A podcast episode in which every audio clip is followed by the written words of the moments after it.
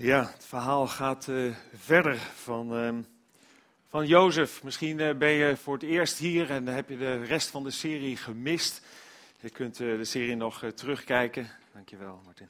Je kunt de serie terugkijken op, op internet, maar even een korte inleiding. Um, ja, Jozef, die ehm, werd ooit verkocht door zijn broers omdat die jaloers op hem waren. Verkocht als slaaf aan de Ismaëlieten. En hij kwam te werken bij een zekere Potifar, die in dienst was bij de farao van Egypte, kwam in Egypte terecht. En daar heeft hij jaren gewerkt en uiteindelijk, door omstandigheden, kwam hij in de gevangenis terecht, omdat hij onterecht werd beschuldigd. En daar heeft hij jaren gezeten en uiteindelijk kwam hij in de positie als onderkoning van de farao. En dat was eigenlijk het rechtstreekse gevolg. Vandaar ook de themaserie Dromen worden waar. En dat zullen we in de volgende week in het slot nog duidelijker zien. Uh, het rechtstreekse gevolg, of in ieder geval voorzicht in zijn jonge leven toen hij nog thuis was. Door dingen die hij gedroomd had. En juist die dromen waren ook weer aanleiding van de jaloezie. En volgende week zullen alle puzzelstukjes op zijn plek vallen. Ja, maar hij heeft natuurlijk wel heel wat achter de rug. Uh, het is niet niets, uh, niet niks als je als slaaf wordt verkocht. Uh, dat was niet gewoon een, een, een, werknemer, een slaaf had een slecht leven over het algemeen. Werd uh, mishandeld, werd over het algemeen niet oud, werd uitgebuit. En, uh, en natuurlijk verschrikkelijk wrang, ondenkbaar bij. Algemeen niet oud, werd uitgebuit.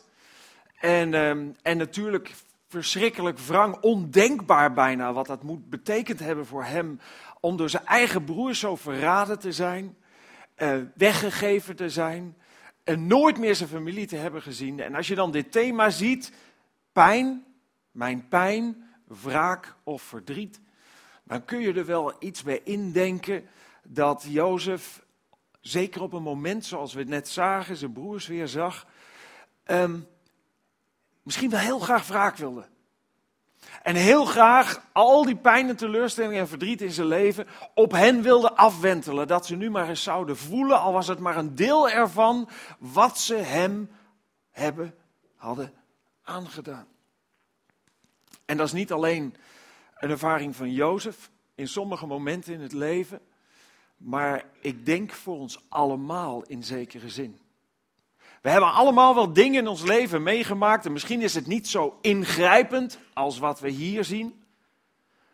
Maar aan de andere kant kan het net zo goed veel pijn doen. Dingen die in jouw leven zijn gebeurd. Misschien wel in je, in je jeugd. Misschien wel toen je heel klein was in het gezin wat veilig had moeten zijn, waar sprake is geweest van, van nalatigheid, van, van incest, van, van allerlei problematiek die er kan zijn. Misschien wel in je tijd op school waar je gepest bent of waar je gepest wordt. Misschien wel in de tijd dat je groter werd, waar je teleurgesteld werd door vrienden, uh, waar je verraden werd. Misschien wel in je huwelijk, waar je achtergelaten bent of bedrogen bent. Misschien wel toen je ouder werd, door wat voor omstandigheden dan ook. Het gaat aan niemand van ons voorbij. Iedereen heeft momenten in zijn leven dat als je erop terugkijkt, en misschien is het nog maar recent gebeurd, dat je pijn ervaart. En dat je eigenlijk ook misschien wel heel graag wraak zou willen nemen. Dat je iemand of meerdere personen daarvoor verantwoordelijk houdt en ook eigenlijk ja, zou willen dat die persoon zou ondervinden wat hij jou heeft aangedaan. Kan dat in mijn eigen leven nog wel terughalen. Dat soort pijn en ook dat soort verlangen om wraak te nemen. Toen ik op de basisschool was, zat, toen was er een jongen die, dit was nogal een vechtersbaas. En die vond het heel leuk om, uh, om mij gedurende al die jaren van de basisschool een beetje op te jagen. Vanuit zijn vechtersmentaliteit. Ik had dat helemaal niet. Ik was meer van het praten. Uh, hij praatte nooit, hij sloeg altijd. En uh, hij zat me ook altijd achterna. En dat was geen leuke tijd. En ik heb jarenlang nog daar last van gehad. In welke zin nou? In, in, in wrok. In, in wraakgevoelens. In gedachten die af en toe bij me opkwamen. Dat ik dacht, wat zou het heerlijk zijn als een paar mensen die jongen even zouden vasthouden. Dat was wel nodig dan, denk ik. En dat ik even gewoon lekker erop in kon slaan. Gewoon dat hij goed zou bloeden. Dat het verschrikkelijk pijn zou doen. En dat ik even zou kunnen genieten van dat momentum om op hem te rossen. En, en, en hem even zou laten voelen wat hij mij heeft aangedaan. En zo heb je dat misschien zelf ook. Misschien niet in die mate, misschien in een andere mate. Maar soms worden je dingen aangedaan in het leven die een stukje van die wrok, van die neiging tot wraak in je kunnen oproepen. En wat doet dat met je? Wat doet dat met je als je pijn wordt aangedaan, als je onterecht ehm, dingen op je pad krijgt waar je niet voor gekozen hebt, maar die je worden aangedaan? Natuurlijk spelen er emoties een rol. Verdriet, boosheid, teleurstelling, angst misschien wel rondom dat soort situaties. Maar ook heel vaak woede, haat, wraakgevoelens, bitterheid en wrok. En, en wrok en bitterheid is niet iets wat altijd aan de oppervlakte zit. Is niet altijd datgene wat zo heel nadrukkelijk aanwezig is of wat je bij jezelf zo goed herkent. Maar is wel iets wat desastreus is in je leven. Waar je zowel lichamelijk als geestelijk klachten uit kunt overhouden, zonder dat je er een vinger achter kunt krijgen wat er nou eigenlijk aan de hand is. Wrok maakt je kapot, holt je uit, daar word je ziek van. En we willen nu vanmorgen ook kijken, wat zegt de Bijbel over dit thema? Wat heeft God te zeggen over mijn pijn, jouw pijn? En die afweging, wraak nemen, wrok koesteren of vergeven. Nou, Paulus laat in ieder geval een duidelijke waarschuwing horen. Paulus was, was in, in de beginjaren, toen Jezus niet meer leeft, niet meer op aarde was, eh, toen hij was gestorven en opgestaan, ging hij de, de, de nou, Turkije door en Griekenland door om overal het evangelie te verkondigen en kerken te stichten. En hij hield middels brieven contact met al die kerken die hij stichtte. En zo was hij ook in Rome geweest. Uh, nee, daar kwam hij later, voorafgaand aan dat hij daar kwam, schreef hij deze brief al. En hij schreef hierin, vergeld niemand kwaad met kwaad. Twee versen verderop zegt hij: Wreek uzelf niet, geliefde. Waarom niet? Dat zullen we straks ook zien. Omdat wraak, gevoelens, wrok niks oplost. Zelfs al zou je in staat zijn om wraak te nemen, dat is geen manier om de pijn kwijt te raken. Iedere keer wanneer mensen in staat zijn om wraak te nemen, blijkt het niets op te lossen. Blijft de pijn er zitten, blijven de haatgevoelens, blijft de uitholling. Het is geen compensatie voor verdriet, niet om het te voelen en niet om het te doen. Het is geen oplossing. Maar wat dan? Paulus schrijft in een andere brief aan de gemeente in Efeze, in Efeze, in Turkije, het huidige Turkije, toen was het kleine Azië. En daar zegt hij in, als u kwaad bent, Laat dan geen wrok in uw hart opkomen, want dan zondigt u.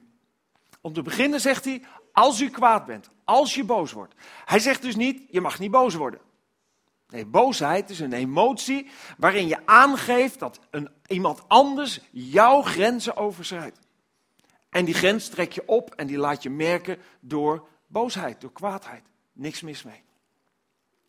Maar, zegt hij, hij waarschuwt ons wel. Laat dan geen wrok in uw hart opkomen, want dan zondigt u. En wat is zonde? Wat betekent zonde? Zonde betekent dat je op een zeker moment iets doet wat niet past binnen Gods kaders van liefde. En dat is in eerste instantie negatief ten opzichte van God. Je doet iets wat niet tot eer van God is. Maar al die dingen waarvan God zegt, dat moet je niet doen.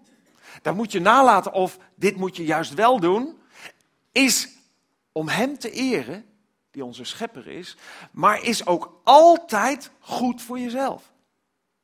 Is ook altijd positief voor jezelf. Het werkt altijd met elkaar mee. Als Paulus zegt hier, zondig niet, want als je dat doet, dan zondig je, dan bedoelt hij ook te zeggen, dan ga je iets doen wat niet tot eer van God is en wat slecht is voor je leven.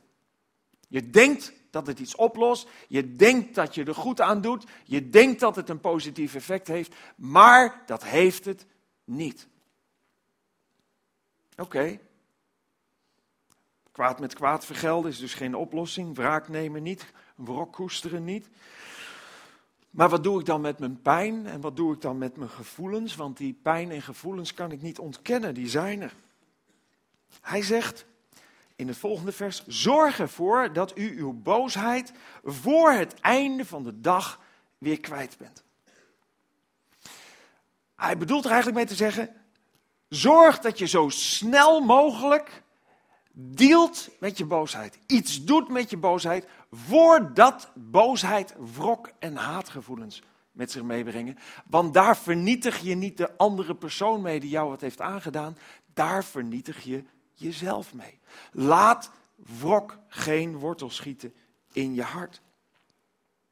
En hoe doe je dat dan? Het advies vanuit de Bijbel is heel simpel. Er zijn een heleboel dingen die God zegt. Ze zijn heel simpel. Als je het leest, heel simpel voor mij om te zeggen. Maar ontzettend moeilijk om je leven te doen, om het toe te passen. De Bijbel zegt, vergeef hen die jou wat hebben aangedaan. In een Bijbelgedeelte, ook aan Efeze, zegt Paulus, wees goed en hartelijk voor elkaar en vergeef elkaar. Wow. Ja, dat kan wel als het een kleinigheid is. Als iemand te laat is gekomen, of als iemand uh, iets vervelends over je heeft gezegd, dan denk je, ach, nou ja, ja, nou ja, dat kun je iemand wel vergeven. Maar wanneer je het hebt over die veel grotere dingen die in je leven misschien gebeurd zijn, dan kun je bijna boos worden met over zo'n uitspraak. Vergeef die persoon. Misschien zeg je wel, je moest eens weten wat mij is overkomen. Vergeven nooit van mijn leven. Nooit zal ik deze persoon vergeven wat hij mij heeft aangedaan. Dat zeiden ook heel veel oorlogsslachtoffers.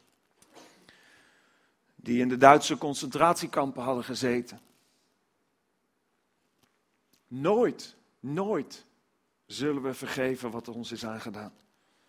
En Corrie ten Boom, misschien wel eens van gehoord van die naam, had ook in dat concentratiekamp gezeten. Samen met haar zus Betsy. Betsy overleed daar. Zij overleefde het. En zij schrijft in een boek het volgende. Sinds het einde van de oorlog had ik een tehuis in Holland voor slachtoffers van de nazi-wreedheden. Degenen die in staat waren hun vroegere vijanden te vergeven, konden terugkeren naar de buitenwereld en hun levens herbouwen. Onafhankelijk van hun lichamelijke en geestelijke littekens. Degene die voedsel gaven aan hun bitterheid, bleven invalide. Zo eenvoudig en zo verschrikkelijk was dat. Nou, en als je het hebt over iets wat groot is en wat, wat wreed is geweest en wat indrukwekkend is geweest in het leven van mensen. Als er iets is wat, wat in eerste instantie niet in aanmerking zou komen voor vergeving, is dit het wel. En wat zij zegt is, ik heb die mensen gezien, de mensen die niet konden vergeven, de mensen die wrok en haatgevoelens koesterden, bleven invalide. Er is een andere uitspraak en die zegt, niet vergeven is zelf de gifbeker drinken in de hoop dat de ander sterft. Oftewel, door niet te vergeven hoop je dat de ander iets overkomt, maar jij krijgt daardoor juist het gif binnen. Jou vernietigt het. Niet die andere persoon die jou wat heeft aangedaan. En dat is ook de reden dat Paulus zegt aan het einde van dit Bijbelgedeelte, geef de duivel geen schijn van kans.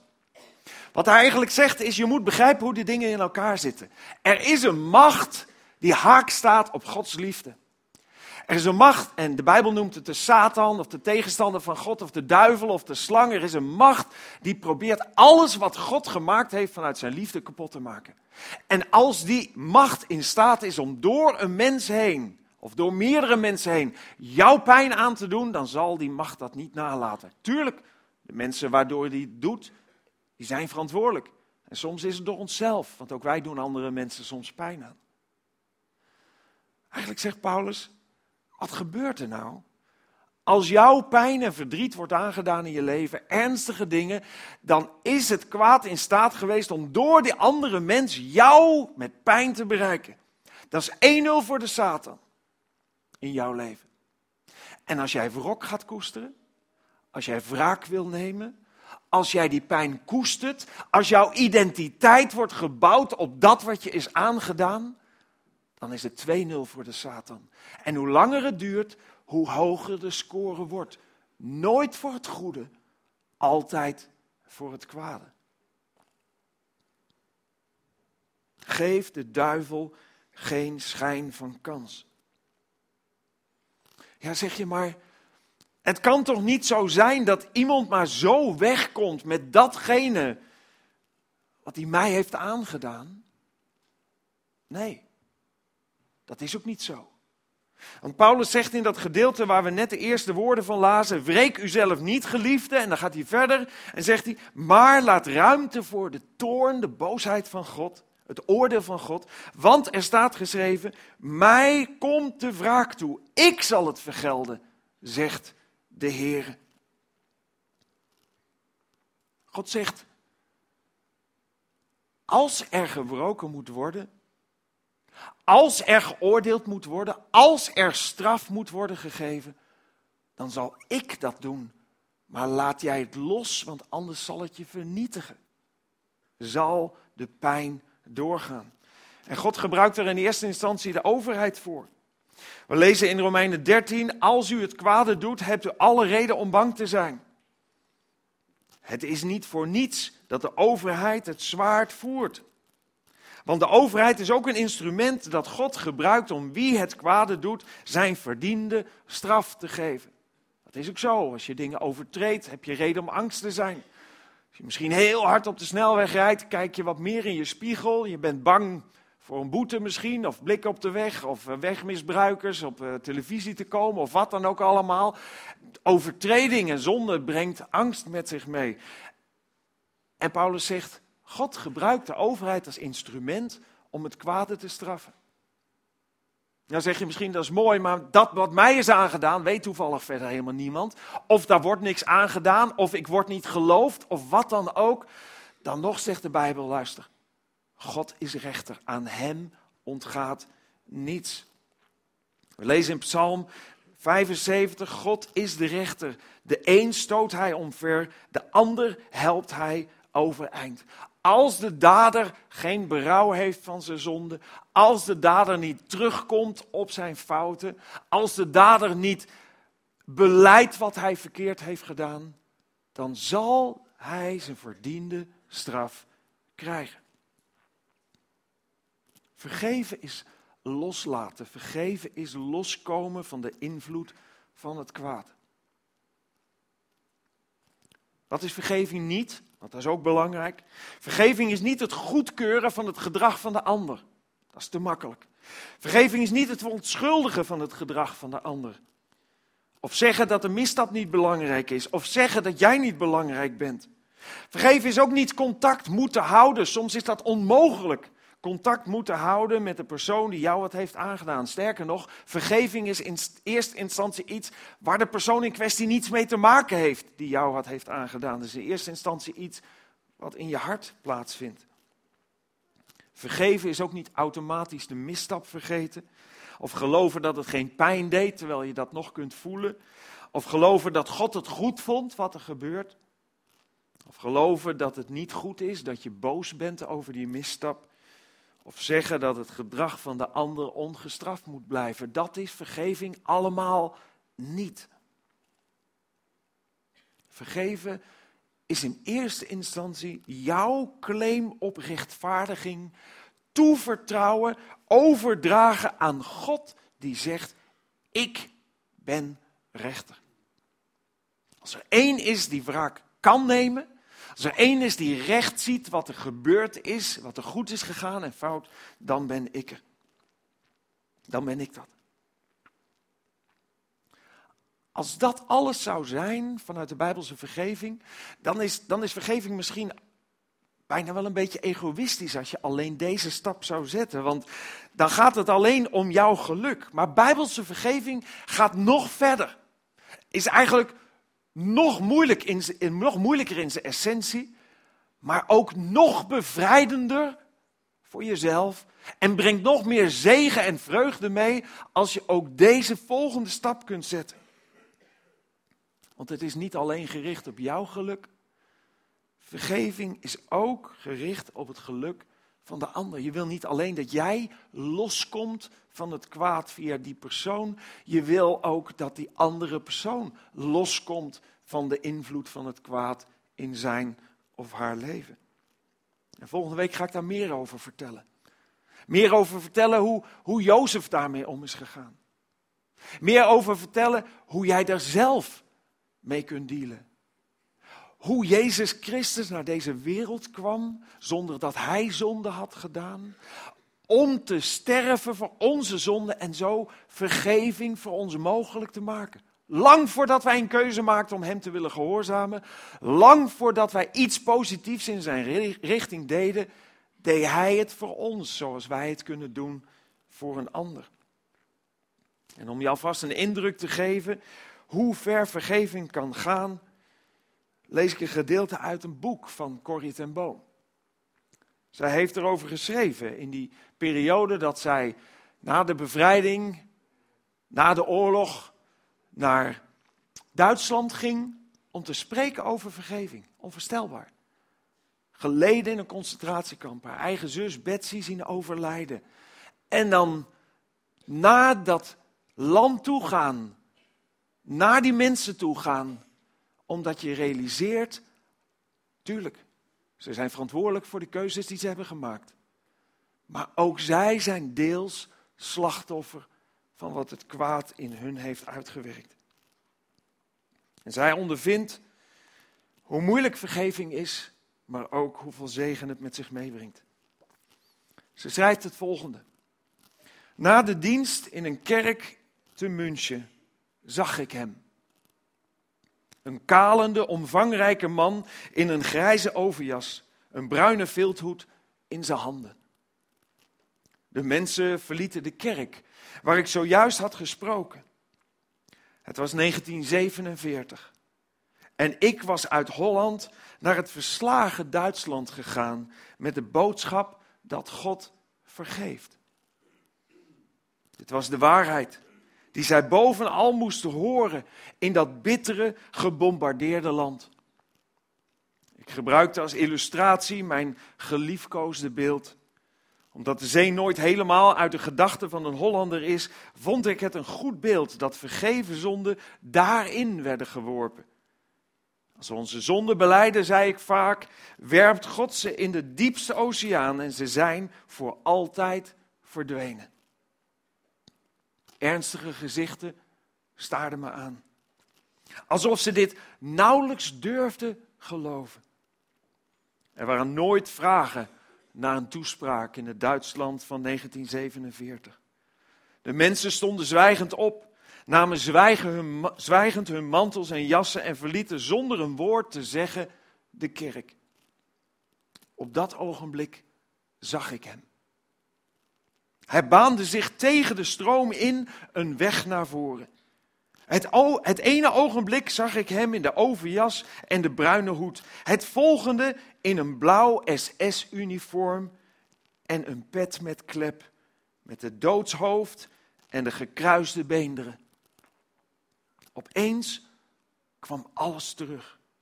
De grote ruimte met de schelle lampen aan het plafond. De zielige hoop kleren en schoenen op de grond.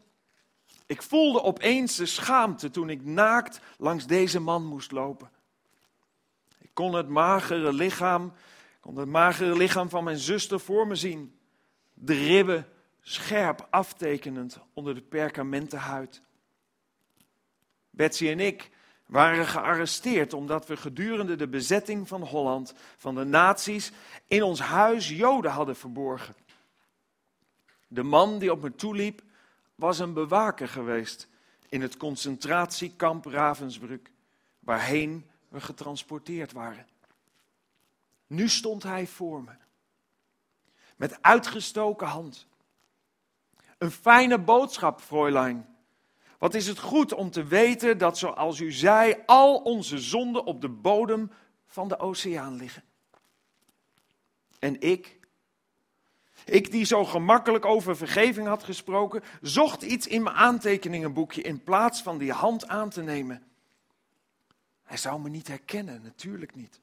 Hoe zou hij één gevangene herkennen van al die duizenden vrouwen? Ik herinnerde me hem en de leren zweep die aan zijn riem hing, maar al te goed. Het was de eerste maal, eerste maal na mijn vrijlating dat ik oog in oog stond met een van mijn vrede bewakers. Het was alsof mijn bloed stolde. U noemde Ravensbrück in uw toespraak, zei hij. Ik was bewaker in dat kamp. Nee, hij herkende me niet. Maar sindsdien ging hij verder, ben ik christen geworden. Ik weet dat God mij de vreedheden die ik daar begaan heb, heeft vergeven. Ik zou dat graag ook uit uw mond horen, Fräulein.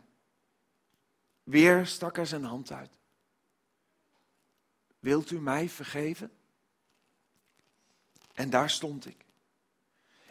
Ik, wier zonde vergeving moesten, vergeven moesten worden, ik kon hem niet vergeven. Betsy was daardoor uitputting gestorven. Hoe kon hij haar langzame, verschrikkelijke sterven zomaar uitvlakken door om vergeving te vragen? Het zullen niet meer dan een paar seconden zijn geweest.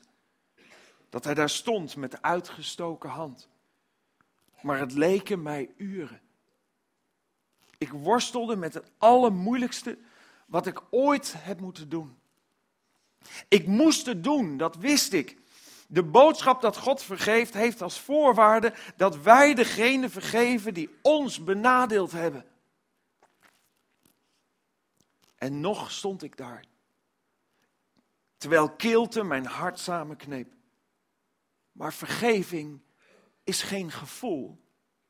Dat wist ik ook. Vergeving is een wilsdaad.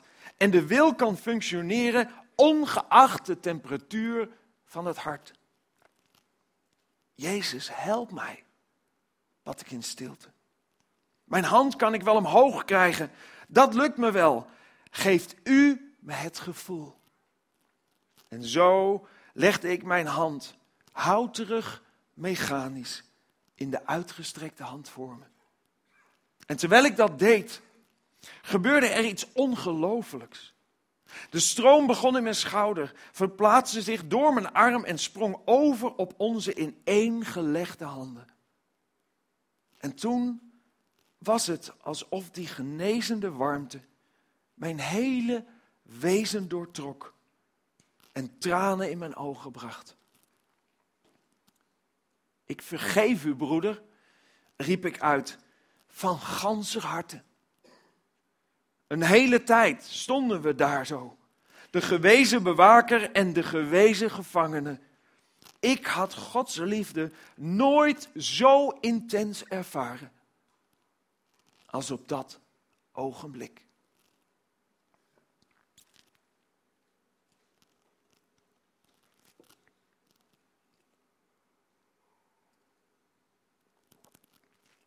Vergeving is geen makkelijk thema. Vergeving is moeilijk. Vergeving heeft te maken met bereid zijn genadig te zijn, zoals we zelf ook verlangen op momenten genadig behandeld te worden.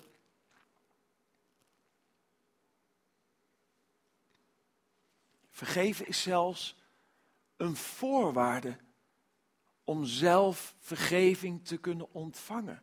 Het is zelfs zo dat, dat God vanuit het diepe verlangen wat Hij heeft om ons allemaal te vergeven voor wat we verkeerd hebben gedaan. Wanneer we berouw hebben over onze zonde. Vanuit dat diepe verlangen stelt God het toch als voorwaarde dat wij ook zelf bereid zijn om hen te vergeven die ons wat hebben aangedaan.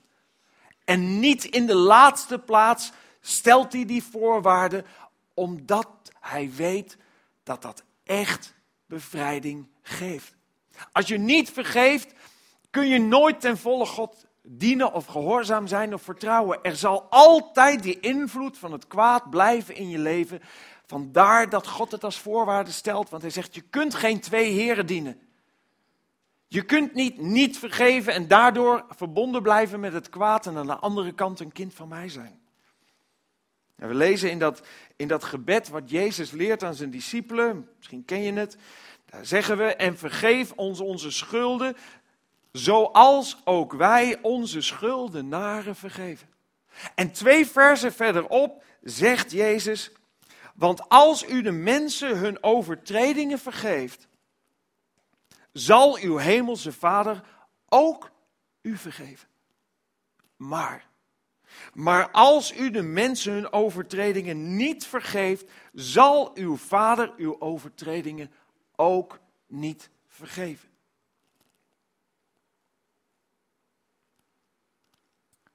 God wil dat we ten volle en vanuit vrijheid een relatie met Hem kunnen hebben. God stuurde zijn zoon, de Heer Jezus Christus, naar deze wereld om te sterven voor onze zonden. Om een relatie met ons te hebben die vrij is van invloeden van het kwaad. En daarvoor is het nodig dat we ons vertrouwen op Hem stellen. Ook ons vertrouwen dat Hij rechter is. Ook ons vertrouwen dat Hij zal vergelden als er vergolden moet worden. Ook ons vertrouwen dat we los kunnen laten wat ons is aangedaan zodat we vrijheid in ons leven mogen ervaren.